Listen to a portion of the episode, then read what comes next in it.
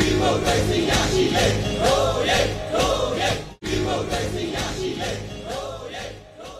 ဂျွန်လ19ရက်နေ့မှာကြာရောက်တဲ့နိုင်ငံတော်ရဲ့အတိုင်ပင်ခံပုဂ္ဂိုလ်ဒေါ်ဆန်းစုကြည်ရဲ့86နှစ်ပြည့်မွေးနေ့မှာပန်းသပိတ်ပြုလုပ်ဖို့တက်ကြွလှုပ်ရှားသူများနဲ့အနုပညာရှင်အချို့ကတိုက်တွန်းထားပါတယ်။လေးစားအပ်တဲ့မိဘပြည်သူအပေါင်းတို့ခင်ဗျာကျွန်တော်ကဒေတာဆန်းဖြစ်ပါတယ်။အဲ့တော့ကျွန်တော်တို့မနေ့ပြန်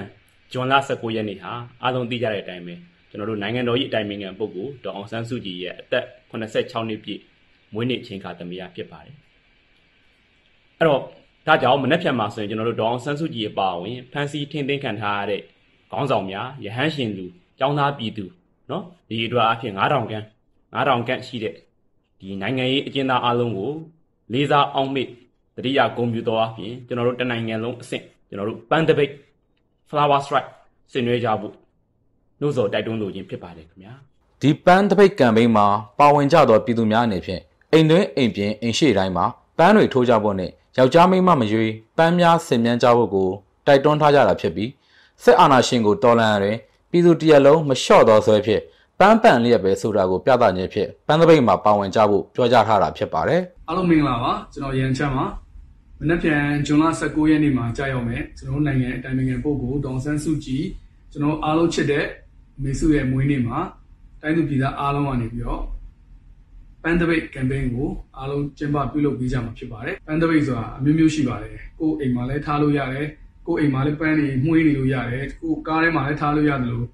လမ်းမိပွိုင်မှာရောင်းနေတဲ့ကလေးလေးရှိရတယ်ပန်းဝယ်ခြင်းပန်းဝယ်ပေးခြင်းအပြင်ဒါလည်းပန်းသပိတ်ပါပဲကျွန်တော်တယောက်နဲ့တယောက်နဲ့ပန်းလေးတွေပေးကြလို့ရပါတယ်ယောက်ျားချင်းချင်းပဲပေးပေးမိန်းမချင်းချင်းပဲပေးပေးယောက်ျားကမိန်းမကိုပဲပေးပေးတကြီးရွယ်ကိုပဲပေးပေး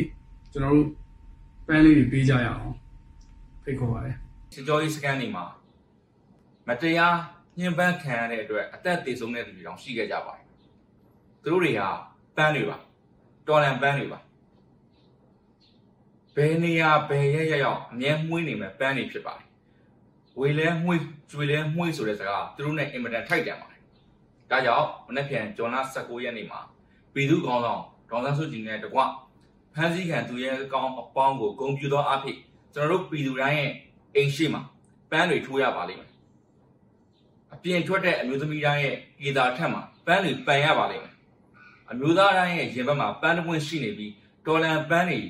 ဝဝေးဆဆပွင့်နေကြအောင်တနိုင်ငံလုံးတစ်မျိုးလုံးမှာဝဝေးဆဆပွင့်နေမယ်ဆိုတာကိုတက်တည်ပြကြရပါလိမ့်မယ်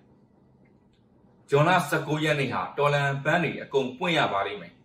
ဗေဒာပြန်အန်ကိုခဲပန်းပန်လေးရဲ့ပဲဆိုတာကိုတက်တည်ပြရပါလိမ့်မယ်မွေးနေ့ရှင်ဒေါ်ဆန်းစုကြည်ပါဝင်ထောင်နဲ့ချီတဲ့နိုင်ငံရေးကျင်းသားများအတွက်တော်လန်ပန်းတွေအကုန်ပွင့်လန်းကြမိ16ဇွန်ပန်းသပိတ်မှာပြည်သူလူထုအားလုံးပါဝင်ပူးပေါင်းကြဖို့တိုက်တွန်းလိုက်ရပါတယ်ခင်ဗျာနေဝိညာဉ်ခုပြရဲ့လာရောက်နေတာရဲ့